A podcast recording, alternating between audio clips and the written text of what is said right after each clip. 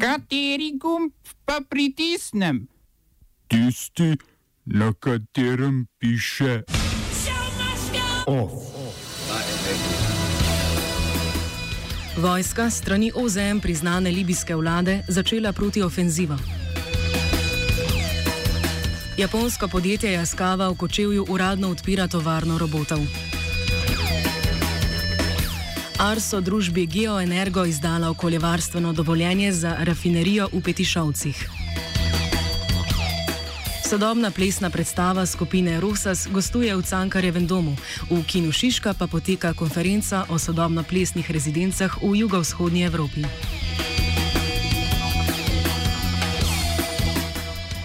Vojaške enote mednarodno priznane libijske vlade premijeja Fajeza al-Sarađa so začele protiofenzivo proti četam tako imenovane libijske državne vojske Kalife Haftarja, de facto voditelja vzhodne Libije.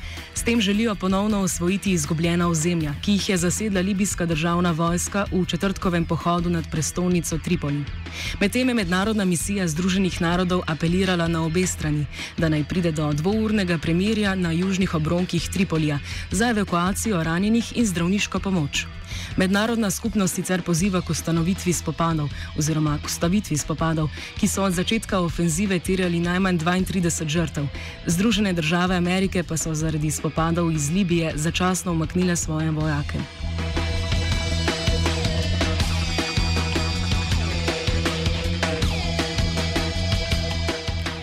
V sudanski prestolnici Khartoum ob 34. obletnici vojaškega upora proti takratnemu predsedniku Džafarju al-Nimeri, ki je za kratek čas omogočil demokratičen prenos oblasti, potekajo protesti proti zdajšnjemu predsedniku Omarju al-Bashirju. Ta je kmalo po omenjeni demokratični tranziciji izvedel državni udar in prevzel oblast, ki se je, je sedaj oklepa že 30 let. Protestniki so se zbrali pred poslopjem sudanske vojske, kjer so zahtevali, da vojska stopi na njihovo stran in podpre njihove zahteve po odstopu Al-Bashirja. Demonstracije so potekale tudi pred Ministrstvom za obrambo, kjer so varnostne sile med demonstrante razpršile sozivec. Val demonstracij se je v Sudanu sicer začel decembra lani. Njihov glavni sprožilec pa so bile visoke cene življenjskih potrebščin, predvsem kruha in pogonskih goriv, ter slabe gospodarske razmere.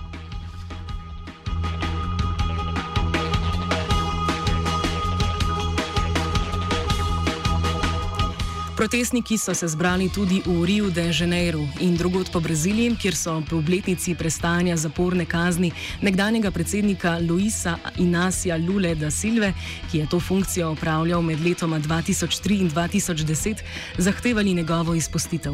Lula, ki zaradi korupcijskih dejanj in pranja denarja prestaja 12-letno zaporno kazen, še, pre, še naprej trdi, da je bil obsojen po krivem in da je šlo za politično montiran sodni proces. Lula je namreč želel kandidirati na lanskih predsedniških volitvah, vendar je moral v skladu s tako imenovanim zakonom o čisti državi svojo kandidaturo umakniti.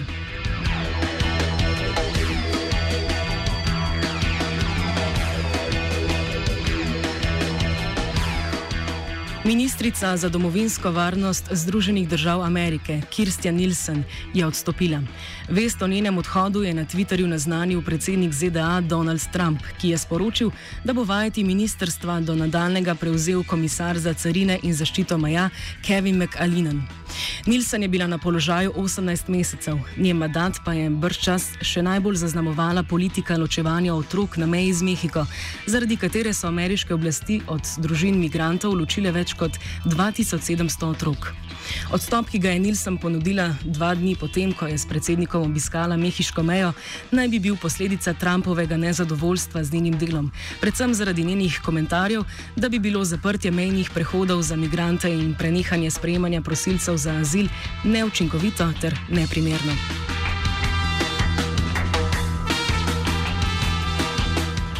Zmagovalka parlamentarnih volitev v Andori je vladajoča stranka Demokrati za Andoro pod vodstvom Žavierja Espota, ki je v 28-članskem parlamentu osvojila 11 sedežev, vendar izgubila večino. Na drugem mestu ji s petimi osvojenimi sedeži sledi stranka socialnih demokratov, na tretje mesto pa se je s štirimi poslanci zavehtelo zavezništvo socialistov in liberalcev. Obdobje pred volitvami so sicer zaznamovali protesti, ki so v tej kneževini dokaj nenavaden pojav. Razlog za te so visoke cene nepremičnin in reforma javne uprave. Uh, oba, če, če bom odgovoril na angliški. Uh, uh, Slovenija bo poskušala pomagati. Slovenija bo naredila naš utmost, da bo rekla, da je situacija naš problem, naš sami. In bomo naredili nadaljnje korake, as soon as the conditions are. Bomo vlado Marjana Cererera Šarca podprli. Very, very serious. News from Slovenija. We know how and we will. Japonska korporacija Jaskava, ki velja za največjega proizvajalca industrijskih robotov na svetu, danes v Kočevju za delovno ljudstvo odpira svojo prvo evropsko tovarno robotov in prvo tovrstno tovarniško podružnico zunaj Azije. Odprtje tovarne, ki poskusno obrtuje od novembra lani, poteka ravno v času oddajanja te oddaje v etru. Po napovedih se ga udeležujejo predsednik vlade Marjan Šarec, gospodarski minister Zdravko Počivalšek in Evropska komisarka za mobilnost in promet Violeta Bulc. Povezave Jaskave s Slovenijo segajo v leto 1994, ko je korporacija prevzela v Nemčiji delujoče slovensko podjetje Motoman Robotek. Leta 1996 pa so v Ribnici ustanovili podjetje za proizvodnjo robotskih celic Jaskava Ristro. Zakaj je ravno Slovenija tista država delovnega ljudstva, ki jo je Jaskava identificirala kot idealno lokacijo za svojo tovarno? Pojasnjuje minister Zdravko Počivalšek. Ministrstvo za gospodarstvo si je prizadevalo vse skozi za pridobivanje tujih neposrednih investicij in Jaskava je enih, ena od treh uspešnih zgodb, ki smo jih uspeli dogovoriti. S predstavniki Japonske smo skupaj z direktorjem Hubertom Postlerjem upravili več eh, razgovorov, najprej okrog eh, pogojev širitve iskalne proizvodnje v Ribnici, potem smo iskali ostale eh, lokacije in po vseh teh eh, pogovorih, ki jih ni bilo malo, ko smo zagotovili ustrezno lokacijo, ko smo eh, zagotovili tudi ustrezno podporo države, sem vesel, da so na Jaskavi sprejeli odločitev za Slovenijo, kajti na nek način smo tekmovali z uh, Slovaki, Čehi, v finalu pa potem uh, so oni sprejeli odločitev med Slovenijo in Polsko za. Uh, Agencija za okolje, krajše ARSO, je družbi Geoenergo izdala okoljevarstveno dovoljenje za obrat za čiščenje plina oziroma rafinerijo v Petišovcih. Dovoljenje, ki je bilo sicer izdano že 28. marca, do izteka 15-dnevnega pritožbenega roka še ni pravnomočno.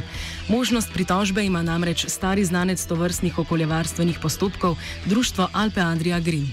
Ne glede na izdano dovoljenje, s katerim bi družba Geoenergo lahko uporabljala napravo, ki predela 280 kubičnih metrov zemljskega plina in eno tono nafte na dan, to ne pomeni, da bo obrat dejansko zaživel v praksi. Na Arsu namreč vodijo še en postopek glede družbe Geoenergo, ki se nanaša na dovoljenje za hidravlično stimulacijo vrtnin oziroma vrtin oziroma fracking, brez katerega pa projekt za investitorja ne bi bil tako privlačen in dobičkonosen kot sicer.